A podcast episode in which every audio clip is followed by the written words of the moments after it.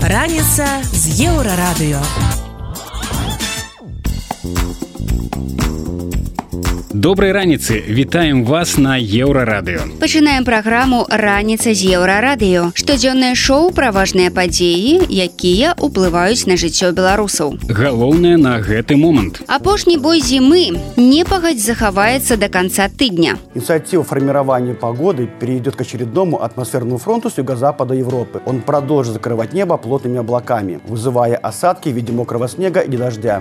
беларуса затрымалі ў арменії небяспечных краін становіцца ўсё больш І все в Армении, у Азербайджане, у Средней Азии, у тым же Казахстане. Де-факто это можно параўнаць у чымсьці з прыездам у Российскую Федерацию. агульны падручнік па гісторыі беларусі і рассіі чым гэта пагражае будучым пакаленням формировалось вот это представление о том, что все-таки Беларусь имеет свою собственную национальную историю. Очевидно, что когда будет один а, общий учебник, это уйдет просто на второй план. падрабязнасці неўзабаве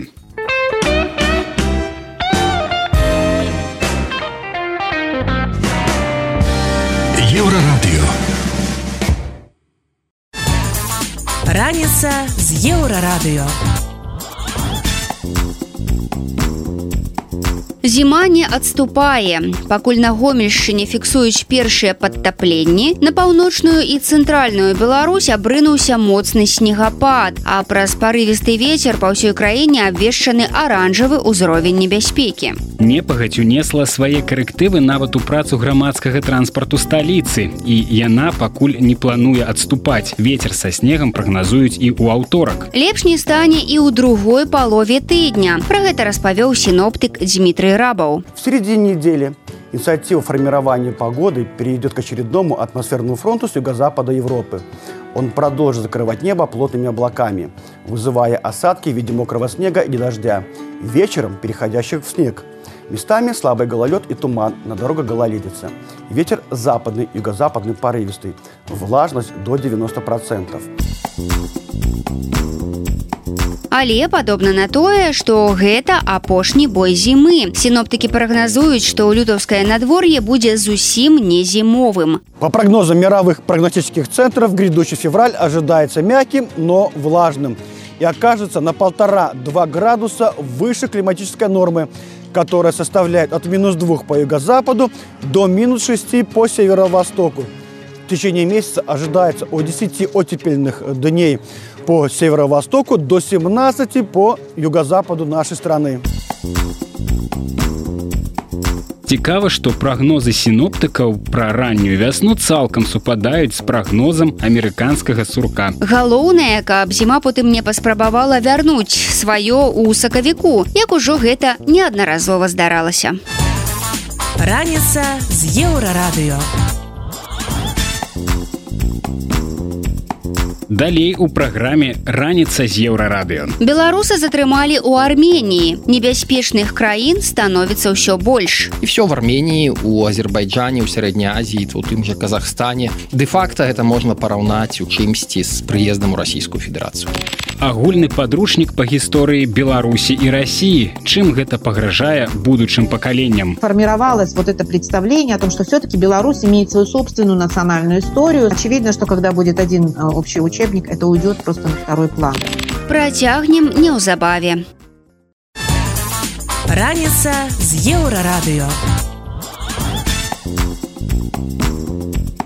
У Арменіі арыштавалі беларуса, які хаваецца ад прызыву ў войска на радзіме. Аказалася, што супраць яго ўзбуджана крымінальная справа і ён абвешчаны ў міждзяржаўны вышук. Спачатку хлопец знаходзіўся ў Грузіі і там спрабаваў атрымаць візу ў Балгарыю. Пасля адмовы выехаў у Арменію, дзе яго і затрымалі. Цяпер беларуса чакае суд і магчымая дэпартацыя. Як такое затрыманне ўвогуле стала магчымым, патлумачыў адвакат і кіраўнік бюро Legal статус Алесь Михалевич. Азербайджан і Арменія для беларусаў ёсць небяспечнымі краінамі, таму што аўтаматычна беларусы тут калі падаюць іх у вышук у Беларусі, як правіла, яны трапляюць у гэту расійскую базу так званую базу СНД, якую вядзе міністэрства ўнутраных спраў Расійскай Федерацыі.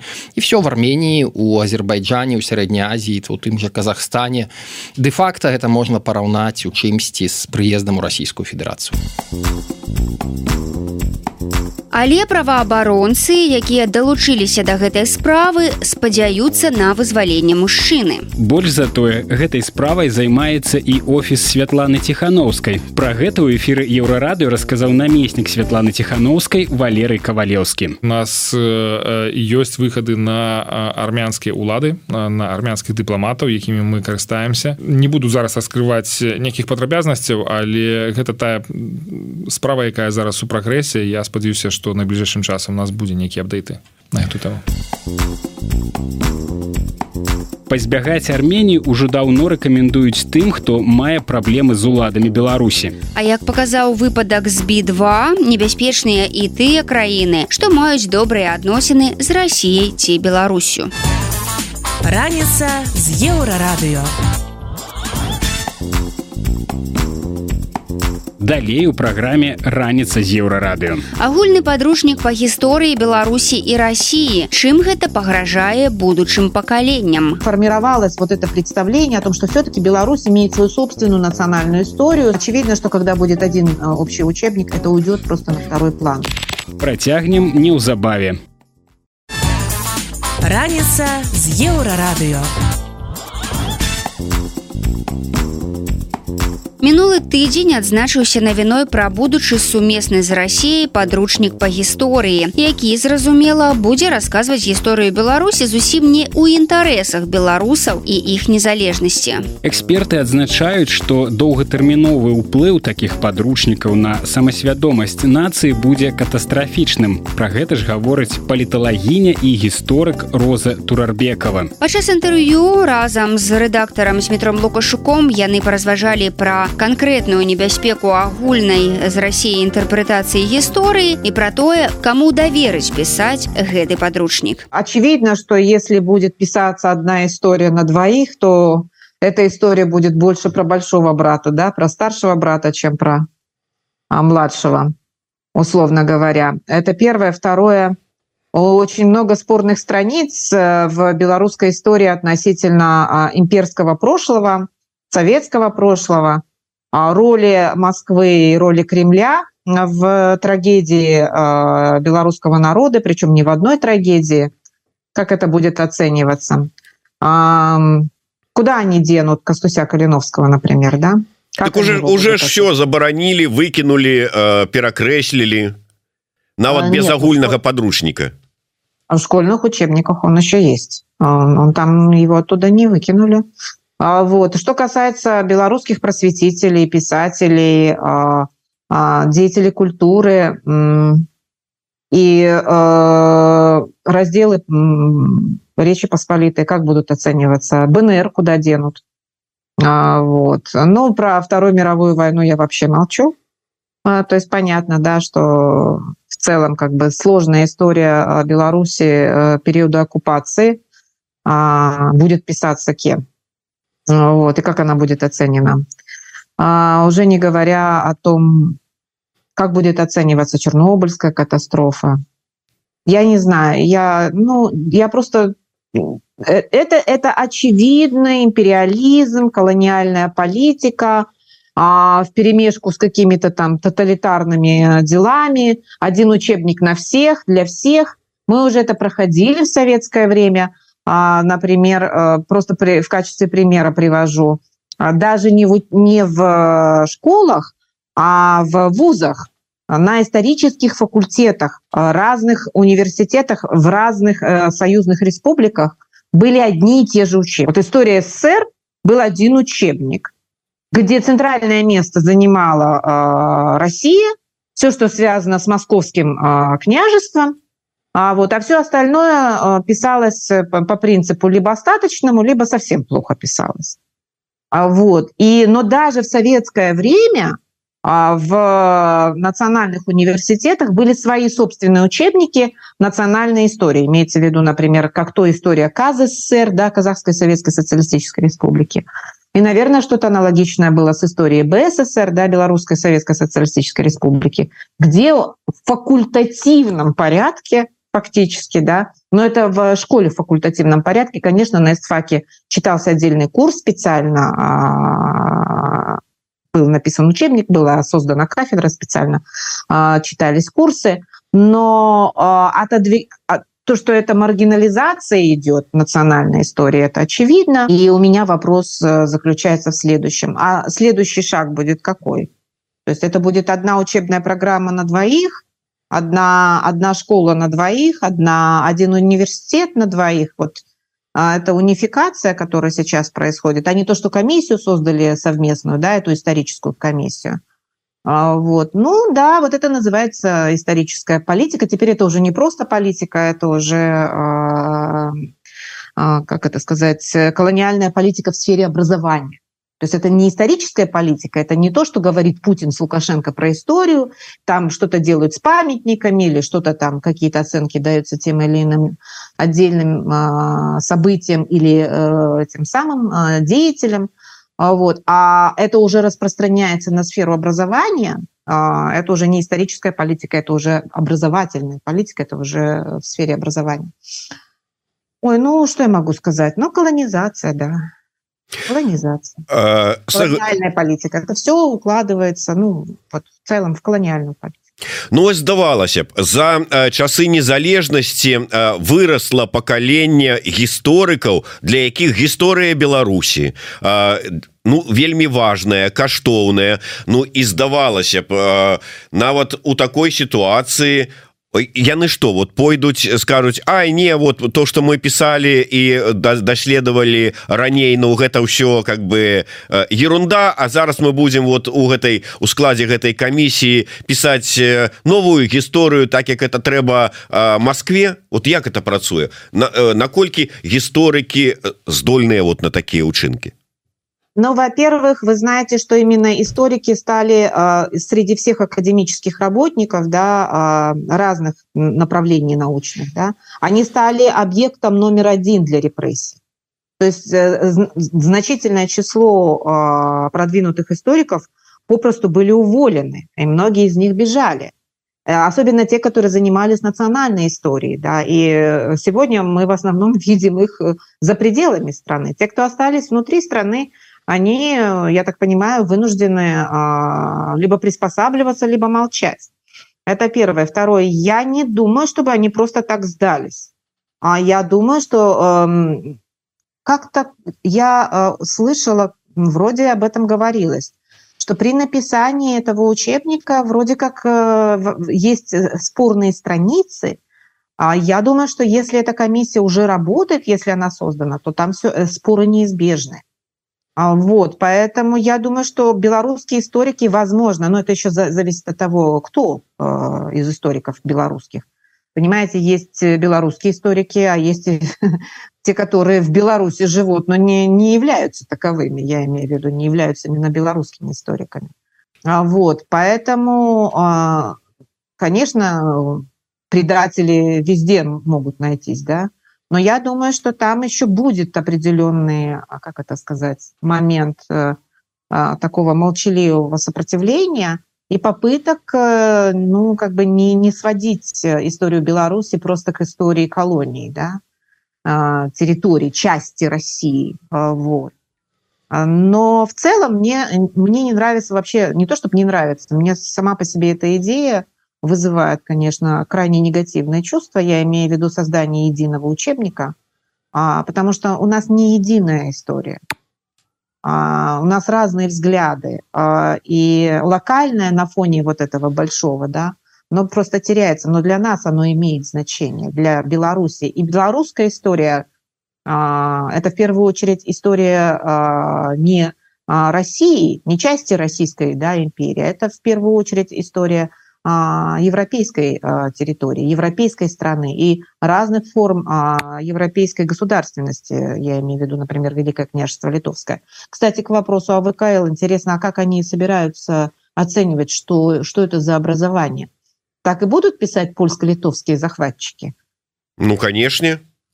Но, понимаете, такое может себе позволить, такие высказывания, э, такие типы, а, как Шпаковский и Дерман. А, я их историками не считаю, тем более по базовому образованию они, по-моему, таковыми не являются.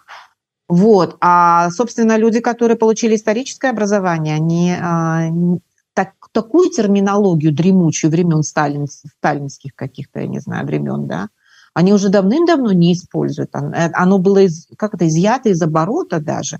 И это не было даже в дискурсе. Вот ну, в учебниках я этого просто-напросто нигде не встречала, Великое княжество Литовское воспринимать как историческая форма белорусской государственности. Ну, Оно... Ну, таких как... людей, таких гісторыкаў, якія лічаць вось менавіта так, до написания новых подручников просто не допустить. А писать будут вот такие гісторыкі, як Шпаковский, як Гиген, ну вот кшталту галоўнага гісторыка Беларуси Лукашенко. Он же так само гісторык хвалится гэтым. Але спадарня Роза, ўсё ж таки, Як вы лічыце наколькі гэта небяспечна? Тому что кажуць Ну ладно напишуць яны там гэтыя подручнікі і напишуць у нас есть сям'я у нас есть э, нейкія там э, я не ведаю зараз інтэрнет вон ёсць табе вусы з карыны того ж самого Тимоха акудовича выдатная программа яшчэ э, того ж самого мікіты мелказёрова для чайнікаў гісторыя все что заўгодна. Адтуль будуць ведаць праўду. Ці не все так аптымістычна? Нет не все так оптимистично я была бы и рада так говорить, но а, если речь идет о школьном учебнике, речь идет о формировании мировоззрения у подрастающего поколения. Извините меня за этот советский стиль сейчас, то, что я сказала. Да? Вот. Э, это то, что будут заставлять детей учить, это то, что будет считаться правильным ответом на экзамене, и э, на неокрепшие, так сказать, э, детские умы будет на, надеваться вот эта вот как бы, да, шапка, а, там как-то там, а, которая будет определять, наверное, в будущем картину мира, картину истории в голове у ребенка.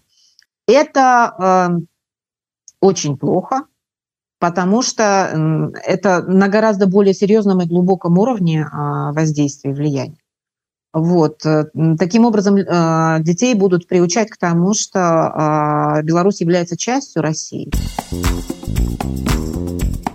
таксама гаворка з метра лукашука і розы турарбекавай зайшла пра важнасць вывучэння ўласнай гісторыі і пра тое ці не прыйшоў час пісаць уласныя подручнікі дэмакратычным сілам беларусі і так в общем и целом были проблемы с нацыянальной идентичностью и так в общем и целом а, а, не очень просвещенную молодежь, когда спрашивали э, о том, что они себе представляют, какова их идентичность. Э, по-разному, разные были ответы. Но был, был все-таки учебник истории Беларуси, он, э, курс сдавался, сдавался экзамен, а, вот, и формировалось вот это представление о том, что все-таки Беларусь имеет свою собственную национальную историю, свои собственные а, формы государственности – а, очевидно, что когда будет один а, общий учебник, это уйдет просто на второй план. И, соответственно, а, будет формироваться представление у детей. А взрослые не имеют э, такой возможности и времени да, постоянно заниматься образованием детей. Все равно образованием детей занимается школа. Формируется все в школе. А если вместо контура Беларуси на дневнике а, ученика да, средней школы будут, будет контур союзного государства, через несколько лет мы с вами получим совершенно другое поколение. И а, наши с вами альтернативные источники, да, они не могут конкурировать в этом смысле. Потому что это вы хотите дать своим детям это, они мож, могут взять, а могут и не взять. А учебник э, в школе учить надо, сдавать надо – и это совсем другой уровень, как бы, как это, э, уровень дисциплинированности, да. То есть здесь это все на выбор, а, как бы в, в таком факультативном, да, даже не факультативном, в таком очень свободном порядке. Э, мало кто как бы будет этим заниматься, только там определенная часть, да, группа населения, которая будет заниматься образованием своих детей. Но они бы и так бы детей бы своих не оставили да, в этом браке.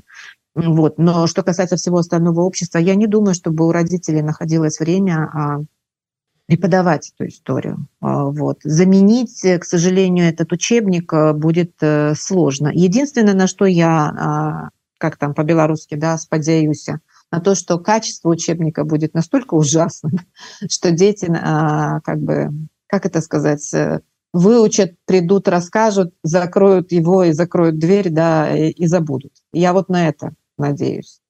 А, потому что по большому счету, если учебник будет плохо написан и будет не продуман с точки зрения дидактической, значит, будет результат такой же. Вот это единственное. Но мы с вами еще должны дожить до того момента, когда этот учебник мы увидим. Я еще не совсем понимаю, о каком уровне, классе идет речь. Это, по-моему, все еще так это достаточно humанно выглядит. Но, по-моему, это как бы такое заявление было с пропагандистской целью. До того момента, когда будет этот учебник опубликован и внедрен в учебный процесс, до того момента еще должно пройти какое-то время. Но я еще раз э, повторюсь, э, наверное, во-первых, э, сами белорусские историки будут оказывать определенное сопротивление, дискуссии неизбежны, это первое. Второе, я надеюсь, что в результате учебник истории будет э, настолько ужасен, что он не будет просто интересен детям. Вот и все. Но в целом это очень, очень угрожающе, с моей точки зрения, звучит. Э, гэта нават больш э, большую пагрозу нясе чым як вы казалі на мінулым нашым стрыме чым агульная падатковая сістэма А, нельзя сравнивать, но в определенном смысле да, потому что это выдает их планы на будущее, в первую очередь планы русских.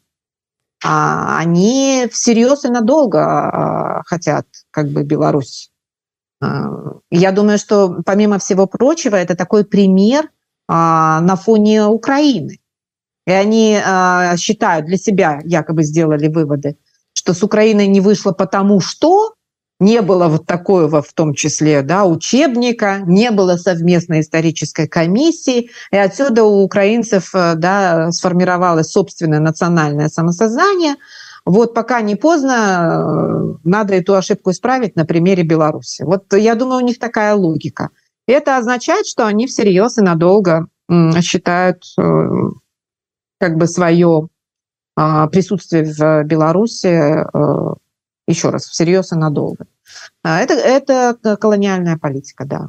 По-другому я это оценить не могу. И если сравнивать с податковой системой, ну, э, э, податковая система – это материальное выражение, а здесь речь идет не о нематериальном выражении, здесь речь идет о, о самосознании, да, идентичности.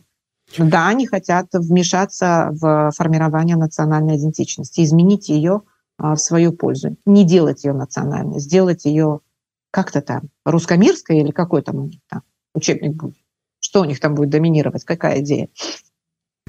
Ну да некая западно-русісты як яны там себе яшчэ называюць это ўсе дерманты і вся эта шобла Макссім пішам так час пісаць свой подручнік по гісторыі ад першага до 11 класа Ну можа і сапраўды час нават нас нягледзячы на тое что гэтыя подручнікі зараз у школу не потрапяць Нет, они сразу и не попадут, эти учебники. Это первое. Второе, то, что надо писать учебники, я с этим согласна. Но надо иметь в виду, что по этим учебникам учиться не будут, по этим учебникам не будут сдавать экзамены, и эти учебники не станут основанием для, для поступления в университет. Пока, сегодня в Беларуси. А, я за то, чтобы сегодня уже писать учебники. Да, а, но мы должны отдавать себе отчет в том, что пока мы не имеем доступа к формальной системе образования в Беларуси, нет шансов для их внедрения. Но есть шанс для того, чтобы у учителей был альтернативный учебник который лежал бы рядом. Вообще, э, надо сказать, что в будущем, да, в будущем надо иметь не один учебник по истории Беларуси, а надо им, учителям надо предоставлять возможность выбирать между несколькими учебниками. Не в смысле, что там по-разному будут интерпретироваться события. Они должны быть разными с точки зрения там, подачи материала, дидактики и так далее и тому подобное. А даже в этой самой России есть, был до сих пор, до недавнего времени а, конкурс учебников, в результате которого а, российские учителя могли выбирать среди двух-трех учебников основных, которые получили гриф Министерства образования, выбирать для себя наиболее удобный учебник. И в этом отношении нам еще впереди у нас эта дискуссия относительно того, какие должны быть учебники, какой должна быть школа в Беларуси, да, и э, мы об этом еще должны как бы и думать, и дискутировать. Но в целом я согласна. Уже сейчас, наверное, пора писать вот такие э, либо учебники, либо учебные пособия, которые бы э, стали бы определенной подмогой для наших белорусских учителей, чтобы у них была альтернатива и была возможность ссылаться еще на что-то. Но вы сами понимаете, насколько небезопасно сегодня да, иметь альтернативный учебник по истории Беларуси, если завтра придет учебник союзного государства, а рядом вы положите учебник истории Беларуси, насколько это небезопасно будет для учителя. И, конечно, это его выбор будет, каким образом да, материал этот давать, но, скорее всего, от него, конечно, будут не просто требовать, а там наказывать, в том числе и вплоть до уголовного там наказания, да, могут сделать это. А, и в этой связи я вспомнила еще один случай а, насчет того, как преследовали учителей э, истории в средних, э, в средних школах. У меня был такой контакт, мне рассказывал один учитель истории, что к нему на уроки истории приходили из прокуратуры не, не просто приходили, здравствуйте, там, мы из прокуратуры, а приходили, садились и слушали. Да сапраўды былі такія гісторыі. Ну што ж э, ну подручнік з'явіцца не з'явіцца. Галоўнае каб э, у ім было адзначана один такі э, гістарычна праўдзівы момант что русскіх і маскоўскае княжество прыдумаў хан баты у свой час. Так что золотая орда і дала там вот эту на княжение дазвол і все астатніе Ну не, не толькі ж не толькі ж украінцаў прыдумаў Ленін Ну господи а, вот Э, да, это во-первых. Во-вторых, эм, э, я не думаю, чтобы эта версия а, русской истории была популярна, но если уже говорить о евразийцах и евразийстве, они-то как раз а, не отрицали а, истоков русского государства, в том числе как и части Орды. То есть это ордынский, да, из, из, вернее, один из источников русского государства является Орда. Они как раз не отрицали, напротив, они этим гордились и считали Чингисхана вообще, ну, тем более хана Батыя, да, своим. Вот. А, и, э, но, э, как вы знаете, в, этих советских учебниках и в позднее российских учебниках это как-то так стыдливо отодвигается все равно на, на задний план и преподносится, что русское государство, да, Российская империя в общем и целом является чуть не ли европейской да, империей. А, вот. А вот этот период, он, он отодвигается назад и отма- замалчивается и так далее и тому подобное. А я не знаю, насколько белорусским историкам а, эта версия русской истории там нравится, не нравится, это как бы другой вопрос. Но как можно писать совместную историю, учитывая настолько разное прошлое историческое, а, я не знаю. Но я бы в защиту Орды бы много чего бы сказала. Там, например, налоги хорошо собирались, да, и многие институты работали лучше, чем в э, последующих, да, их там дочерних компаниях под названием там Московское княжество и так далее. Вот. Ну, ладно, уже это оставим, это не должно интересовать белорусского э, слушателя, но это совсем другая история. У нас очень разные источники э, государственной власти, я имею в виду Беларусь и Россию. Гэта была размова рэдактара еўрарадыё зметра лукашука і паліталагіні гісторыка розы турарбекавай. Яны пагутарылі пра ідэю сумесных падручнікаў па гісторыі рассіі беларусі і пра тое, як гэта можа паўплываць на будучыню нашай краіны. Раніца з еўрарадыё.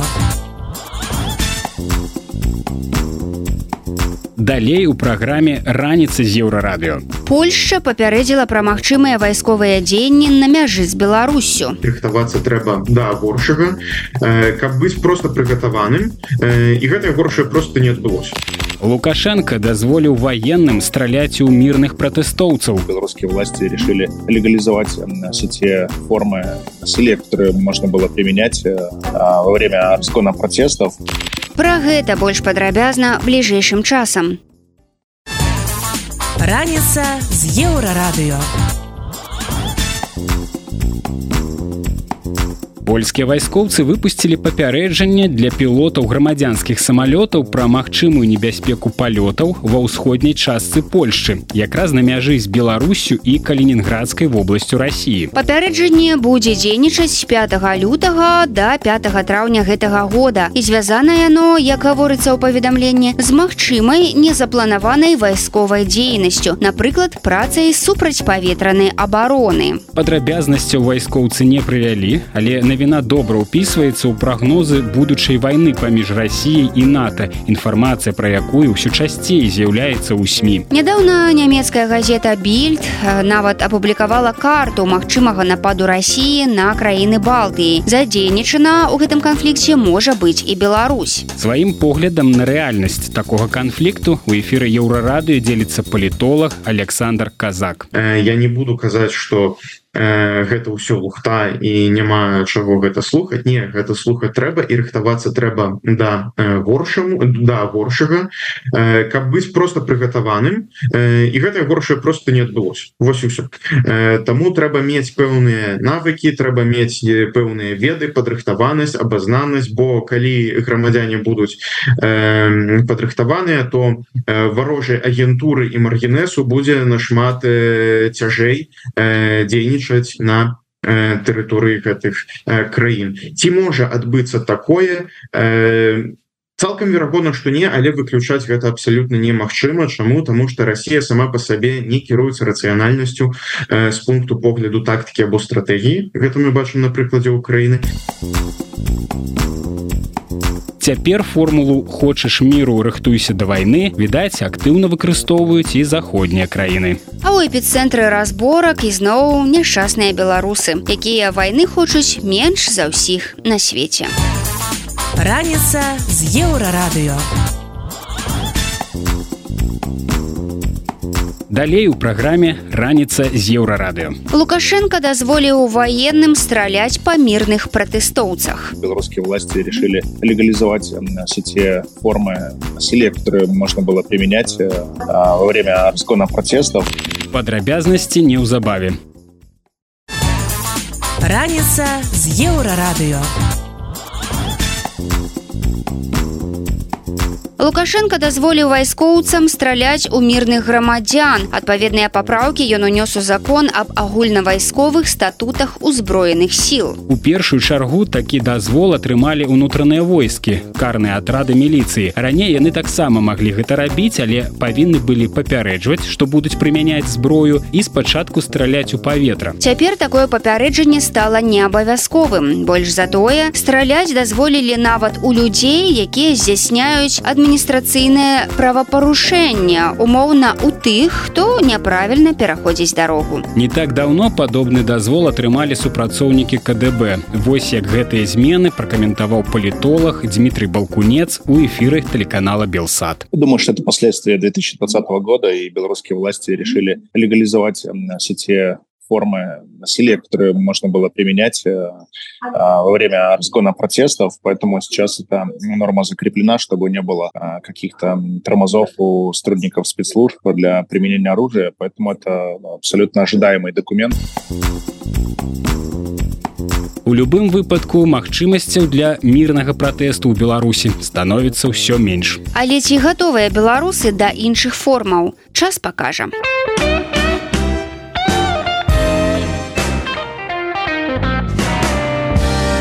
Еўрарадыё. Раніца з еўрарадыё хутка працягнецца. Вас чакае яшчэ шмат цікавага, не пераключайцеся. Раніца з еўрарадыё.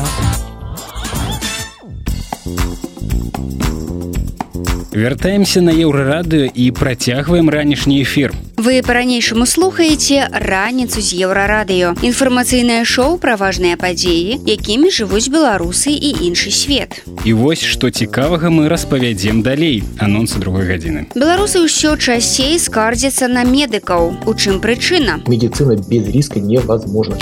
Як ратавалі гурт B2 ад тайскай турмы і пуцінскай помсты. Ёсць сведчанні што Росія ну просто напрост уплывала на гэты кейс. Чаму ў Беларусі не сціхаюць рэпрэсіі? Непрапорцыянальны сілавой апарат нуждаецца в работе. Пра гэта ды іншае больш падрабязна цягам бліжэйшай гадзіны.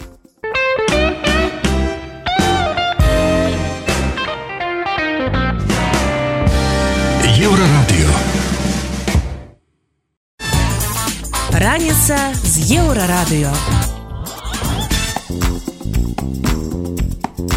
Сітуацыя ў беларускай медыцыне застаецца складанай вось ужо чацвёрты год запар. Тут цэлы букет праблем. Ад'езд з краіны медыкаў, перапрацоўка тых, хто застаўся і адсутнасць досведу ў толькі-толькі нанятага персаналу. Усе гэтыя акалічнасці прыводзяць да трагічных выпадкаў. Свежыя прыклады інцыдэнту ў радзільных дамах Салігорска і мінска, дзе жанчыны звярнуліся да лукашэнкі праз кепскую працу медыкаў. Але хто вінаваты ў памылках, перагружаная сістэма аховы здароўя ці самі спецыялісты, якія парушылі працоўныя пратаколы. На пытанне выдання маланка адказвае прафсаюзны актывіст і урач-гінеколог Станіслав Салавей. На самом деле ошибка нас просто в стране никогда не было принято афишировать. Врачебные ошибки, к сожалению, не были, они есть, они будут, они есть во всех странах. То есть есть три разные вещи. Есть врачебная ошибка, есть осложнение, есть халатность.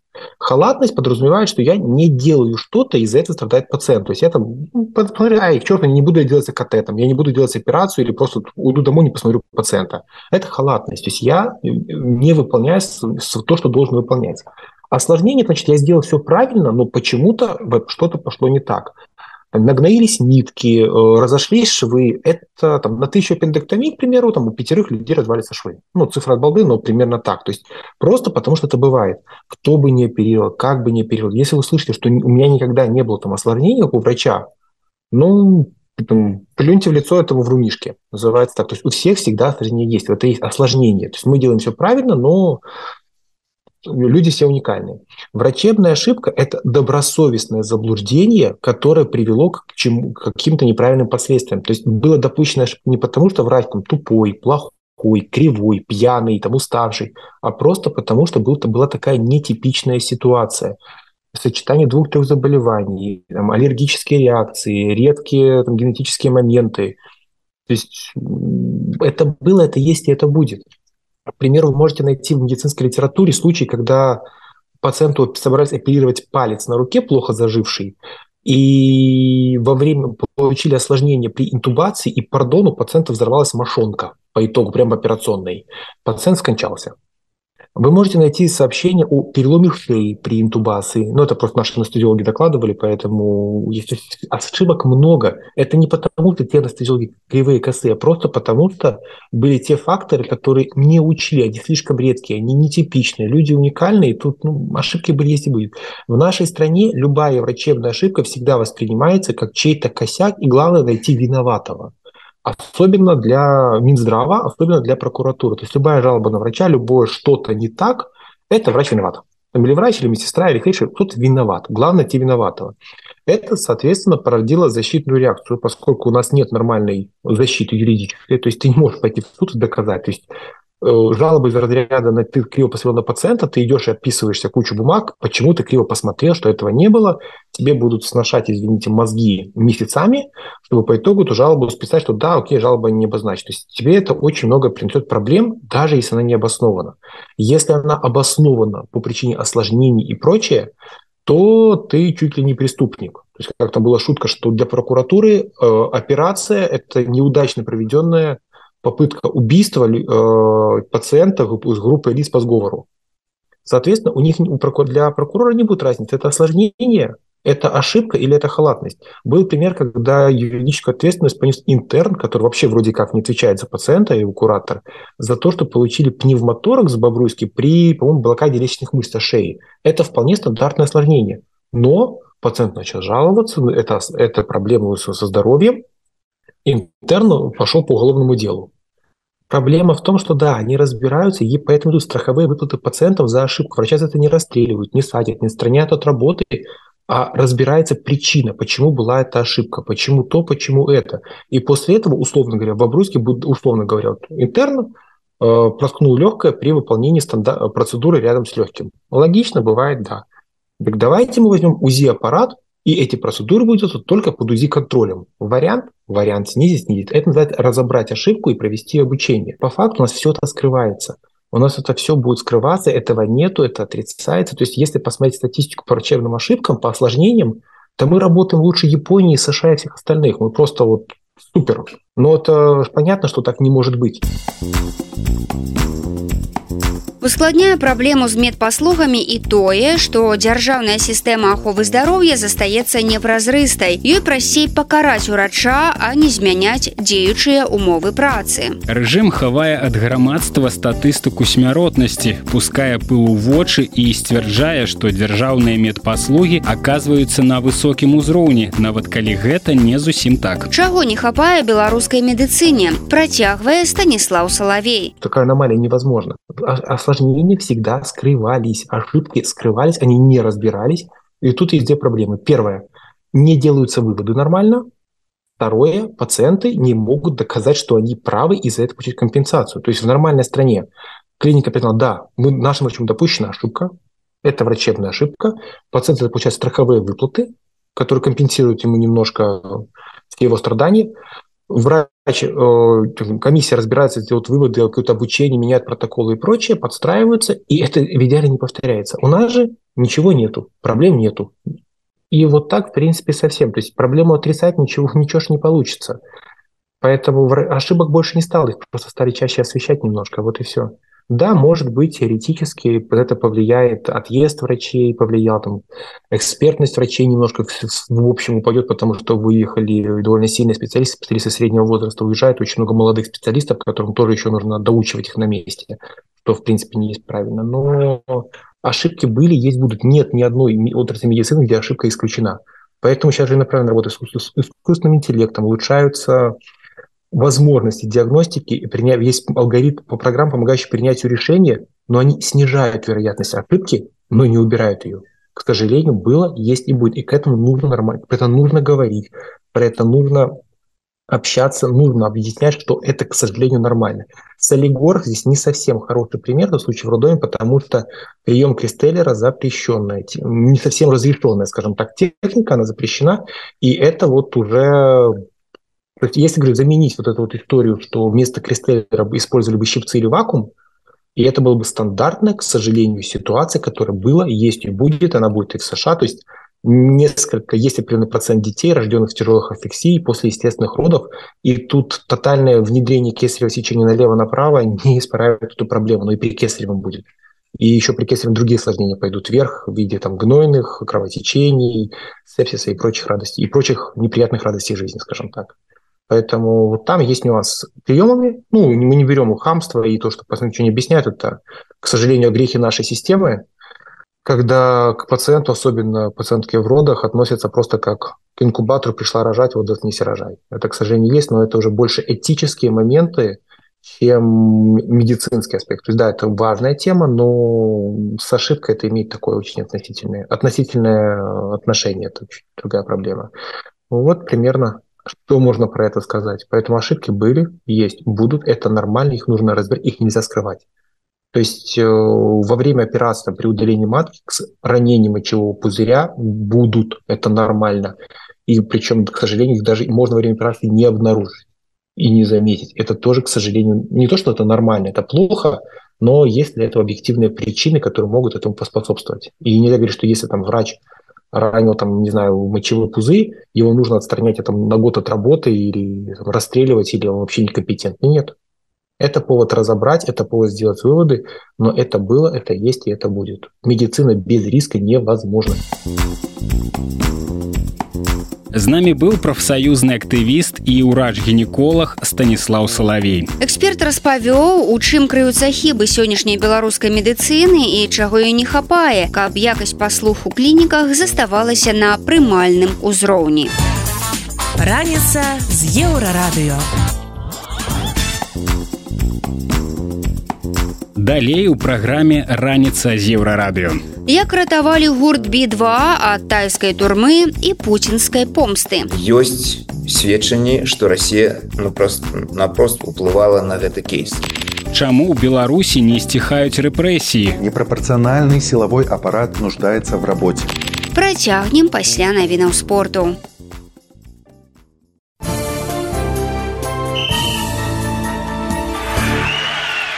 Еўрарадыё навіны спорту.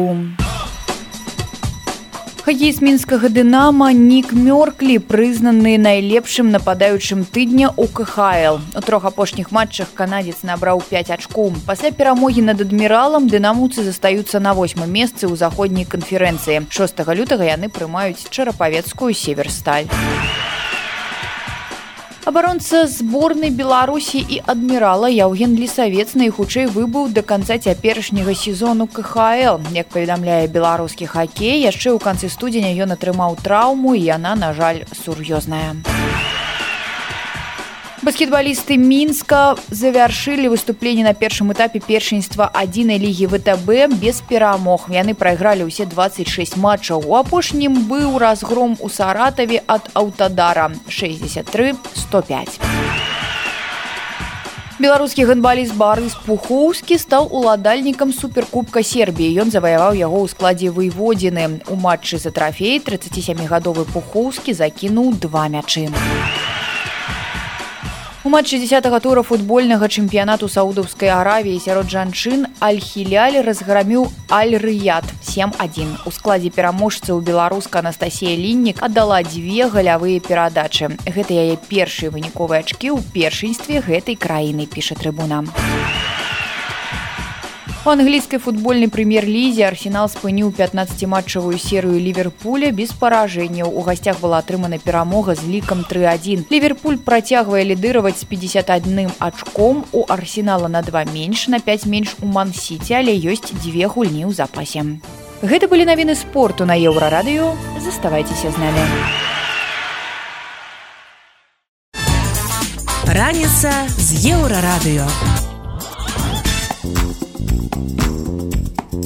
паўтары тыдні таму музыкаў рок-гурта b2 які стварылі два беларусы александр уман і ігор бортнік затрымалі ў таиландзе арганізатар іх канцэрту нібыта не аформіў патрэбнага дазволу на працу ў гэтай краіне артыстам далі штраф і выпадак на гэтым мог бы скончыцца але ў справу ўмяшалася расійская амбасада яе прадстаўнікі захацелі каб тых хто мае расійскае грамадзянства выслалі ў рассію у свой час гурт асудзіў напад рассіі на ўкраіну і ў рассіі яго чакаюць вялікія праблемы у тым ліку магчыма паказальны суд. Але рокеры ледзьве не цудам пазбегнулі дэпартацыі. Што іх уратавала?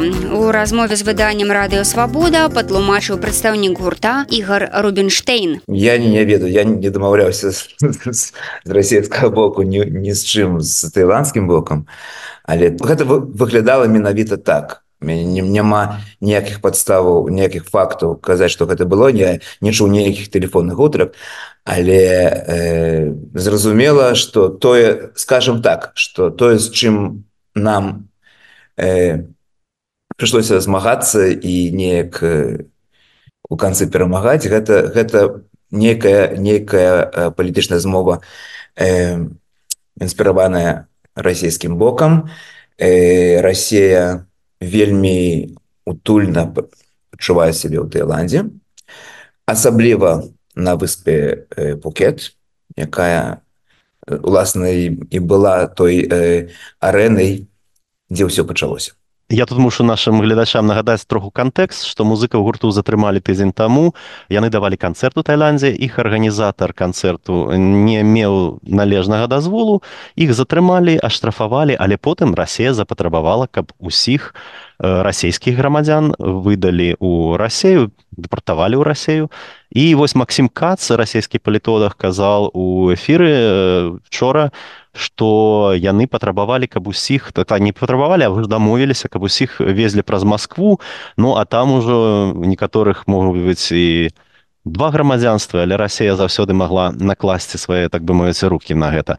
Ігор вось кац сказал што вы каардынавалі усе пытанні з ізраільскім бокам. Наколькі цяжка было атрымаць дапамогу ад афіцыйных асобаў у цяперашняй сітуацыі? Ну вы ж стане вайны хапае чым так, займацца.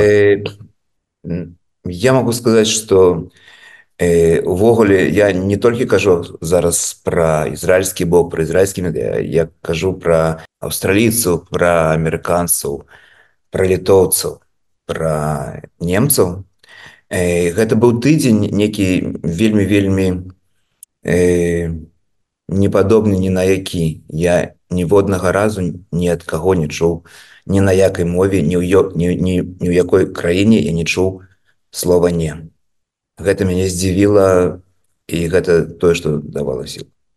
А ці можна адказаць вось на такое пытанне як увогуле атрымалася перавесці ў Ізраиль па выніку всіх музыкаў гурту некаторыя з якіх не маюць ізраильскае грамадзянства?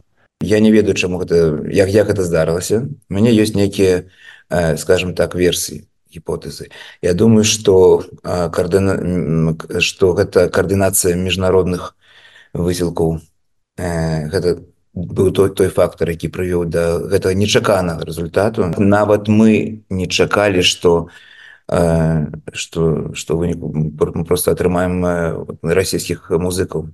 Гэта было наша гэта было наше самое самое слабое месца і і і уласна кропка приложения усіх сілу что я думаю что гэта міжнародныя высілкі Я думаю что гэта каардынацыя амерыканскага дзяржаўнага дэпартаменту і у мяне ёсць меня няма факту у мяне ёсць нейкія скосныя э, скосныя высновы з размоваў з гэтымі людзьмі Ці правильно я разумею что у аднаго з удзельнікаў гурту был видно жыхарства ў злучаных штатах у кагосьці ў Брытаніі і гэта дапамагло улучшыць мясцовых э, гэта, гэта, гэта была такая кропку кропка ўходу.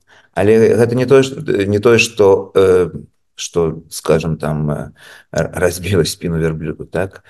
Але калі мы даведаліся что там у хлеба калядзіна гэта наогул ён так попаў под лошадь ён ён музыка іншага гурта ён э, э, удзельнік дуэта morning брытанскага. І ён просто паехаў тур з сябрамі. Просто пайграць на, на піяніна.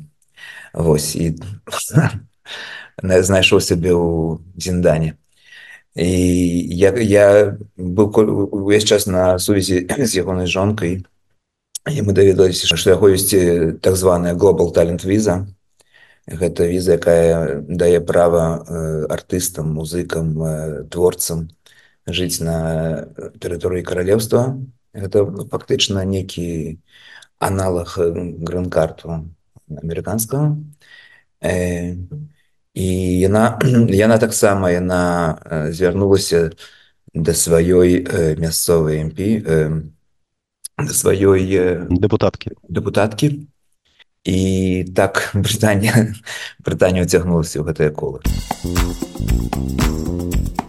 Каманда, якая ратавала музыкаў бі-2 ад дэпартацыі пераследу з боку пуцінскага рэжыму, сцвярджала, што расійскія дыпламаты ціснулі на праваахоўныя органы Таіланду. Магчыма, па палітычнай лініі, магчыма, наўпрост давалі грашовы хабар. Такім чынам яны хацелі падкрэсліць, што публічныя асобы, якія асуджаюць вайну, развязаную крамлём, не могуць адчуць сябе ў бяспецы нават за мяжой. Леў Рубінштейн тлумачыць расійскі след у скандале з арыштам рок рокераў b2 няма у нас ніякіх э, там матэрыяльных сведчанняў что хтосьці каму штосьці заносіў.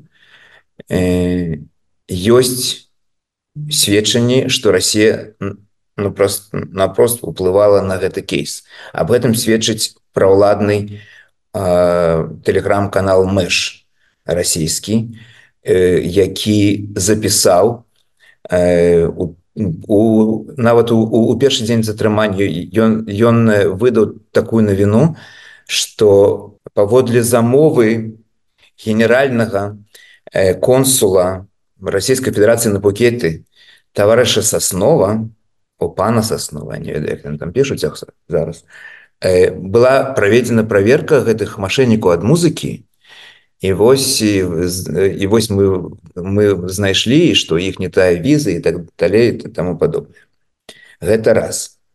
Два. Гэта быў гэта дробны адміністратыўны праступак які караецца некім штрафам. Гэты штраф быў сплочаны на месцы.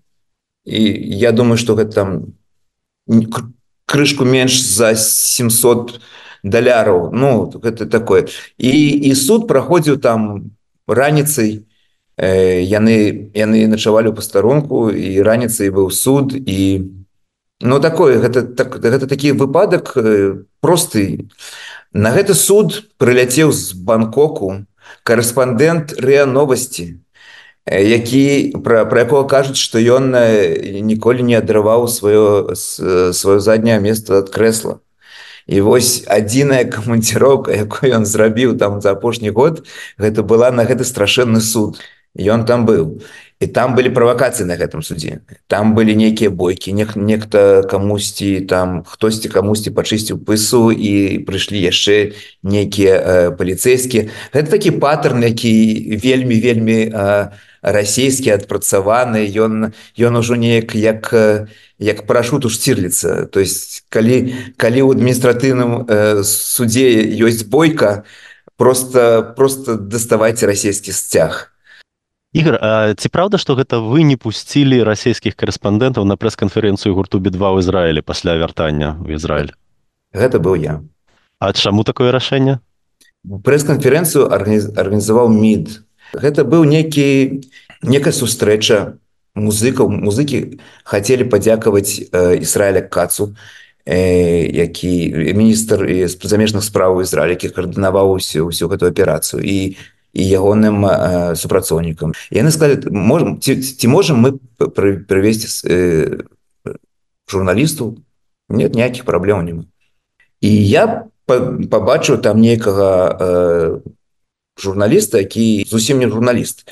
Ось это такі корэспондент салаўёвец які ну такі правакатор дробны і я показаў на яго я сказаў что я гэтага чалавека бачыць тут не хочу вы прыйшлі до нас давайте будем запросім на гэтую сустрэчу тых каго мы хач хочам бачыць а ты кому каго мне хочам бачыць мы не будем запрашаць і тады падышоў да мяне прэс-сакратар міду мы паглядзелі гэты список. Мы яго пачысцілі а той хто не не захацеў чысціцца ён да яго падышлі вартаўнікі і показалі на дзверы яны вельмі вельмі так скажем абразіліся можна сказаць але я я добра з гэтым себе пачуваю я заснуў калі калі учора я набраў гугле э, фразу э, расійскіх журналістаў не пусцілі і пакуль не прачытаў увесь я не заснуў Мы слухали льва рубинштейна прадстаўніка рок-гурта b2 артыст патлумачыў чаму музыкаў затрымалі і пасадзілі ў турму ў таіландзе і як атрымалася ўратаваць іх ад дэпартацыі ў рассію чаго так хацелі пуцінскія дыпламаты раніца з еўрарадыё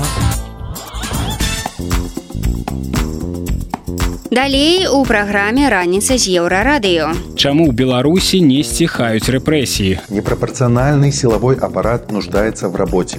Працягнем пасля навінаў шоу-бізу. Шоу-біз.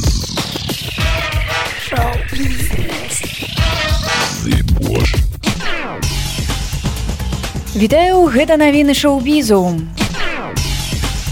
У лос-анджелесе ўручылі ўзнагароды грэмі за найлепшыя песні і альбомы 2022-2023 гадоў. Самая прэстыжная музычная прэмія ўручалася 66 раз. Амерыканская спявачка Білі Айліш атрымала грэмі за найлепшую песню года за трек «What was I made for» да фільма «Барбі», паведамляе BBC. Тейлор Свифт атрымала прэмію грэмі за найлепшы альбом года «Midnight». Яна стала першай выканаўцай у гісторыі прэміі, якая атрымала гэтую ўзнагароду чатыры разы. Midnight прызнаны найлепшым вакальным поп-альбомам. Спявачка анансавала выхад 19 красавіка 2024 года новага альбома. У катэгорыі запіс года ўзнагароджана Майлі Сайрус з кампазіцыяй Flowers. Яна же была адзначана за найлепшае сольнае поп-выкананне. У катэгорыі найлепшы новы выканаўца перамагла Вікторыя Мане.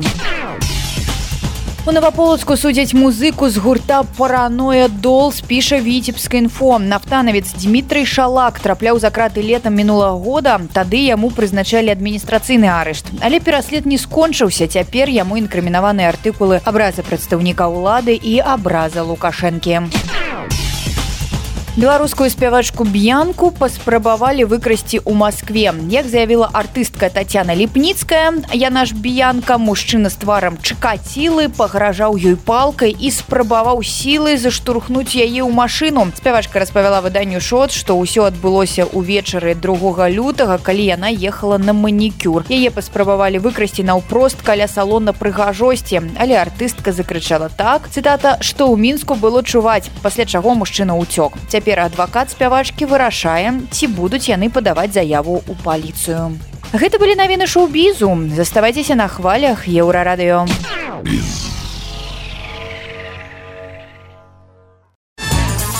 Раніца з еўрарадыё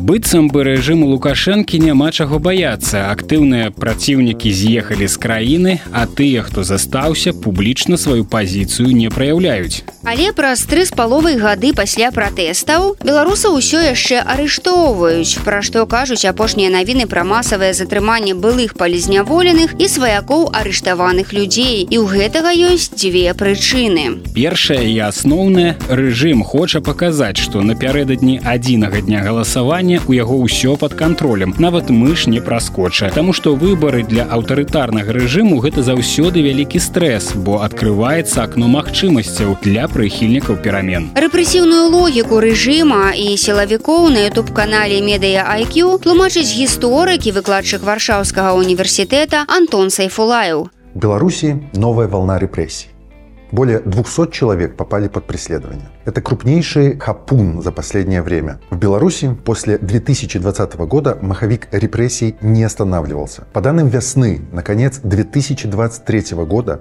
более 4200 человек осуждены по политическим мотивам. Кроме того, несколько тысяч человек уже отбыли свое наказание и вышли на свободу. Но аресты за комментарии, донаты, малейшую критику режима, экстремизм и терроризм продолжаются. События конца января – это очередной шаг в бездну бесправия в стране. Просто совершенный в короткий промежуток времени. Но все же, такие резкие и единовременные действия силовиков заставляют задуматься, Почему сейчас и зачем, когда в стране все гайки уже закручены? Конечно, главная причина – это так называемые выборы. В одном из предыдущих роликов мы с вами обсуждали, зачем режиму они нужны. Главное – это постоянная потребность себя легитимизировать.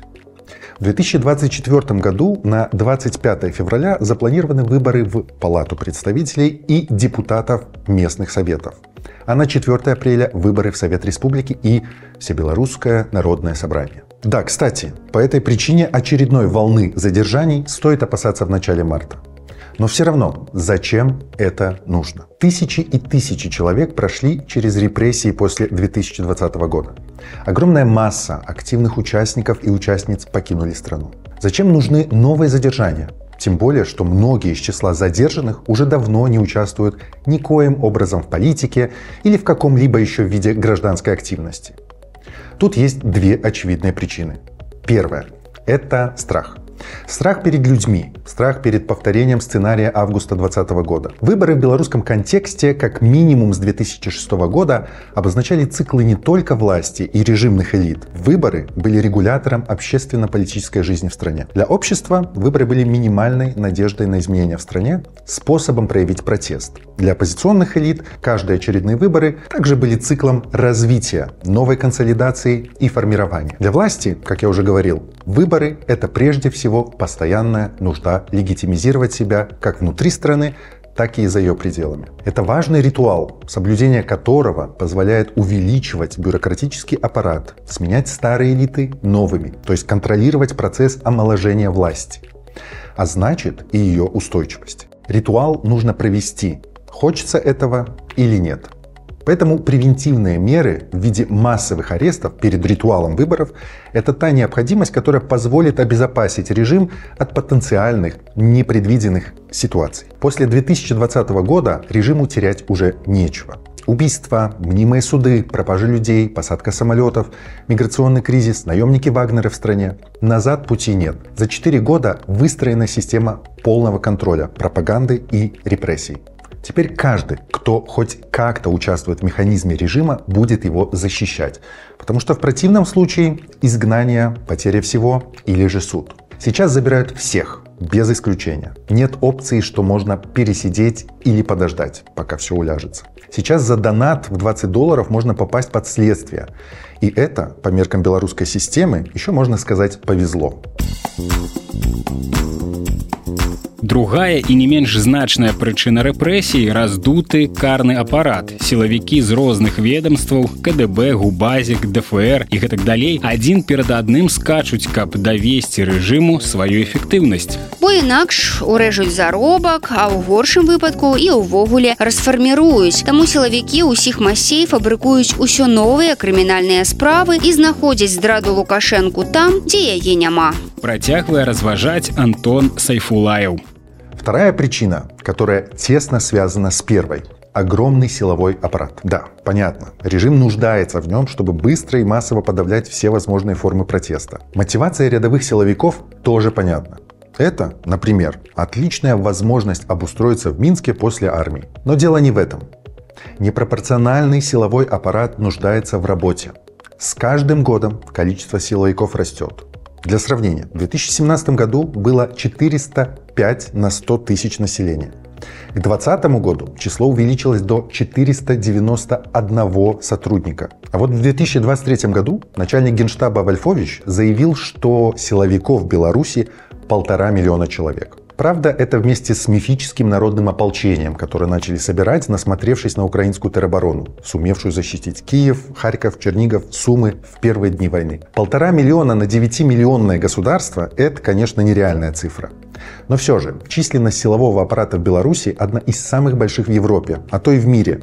Понятно и то, что в Беларуси не совершается такого количества преступлений любого характера и степени тяжести, сколько в стране для этого подготовлено силовиков. Но работать надо. Поэтому люди в погонах набивают статистику и показатели на обычных гражданах. Постоянное задержание, расследование, анализ материала с 2020 года – это основная работа в целом бесполезных для общества органов, которые вроде как должны защищать его, а не атаковать. Чего стоит история с арестом Александры Каско, который, как сообщили в ГУБОП, с помощью методов социальной инженерии втерся в доверие их сотрудник. Представьте абсурдность ситуации. Работа человека, который получает зарплату из бюджета, заключалась в том, чтобы он целый год общался с администратором сети запрещенных ресурсов. В итоге террористка и экстремистка успешно схвачена. Лукашенко может спать спокойно. Губоп собирает премиальные профиты. Успешный успех. Выборы пройдут. В этом нет сомнения. Итоги в стиле Ермошиной объявят. А в марте проведут очередные рейды. В начале апреля существует вероятность, что будет запущен механизм по полному устранению президентских выборов в их сегодняшнем виде. Режим фрагментирует власть, пытаясь вовлечь все большее количество людей обязанных быть лояльными режиму. Такова сегодняшняя реальность Беларуси. Но все-таки надежда есть. Даже самые крепкие тоталитарные системы не выдерживали проверку временем и распадались. Коммунизм в Европе, фашизм в Испании и Португалии. СССР развалился под собственным весом. А какой фактор станет решающим для белорусского режима? Мы слухали гісторыка і выкладчыка варшаўскага універсітэта Антона Сайфулаева. Ён патлумачыў логіку чарговай хвалі рэпрэсій, якая адбылася ў Беларусі ў студзені і распавёў, чым яна абумоўлена.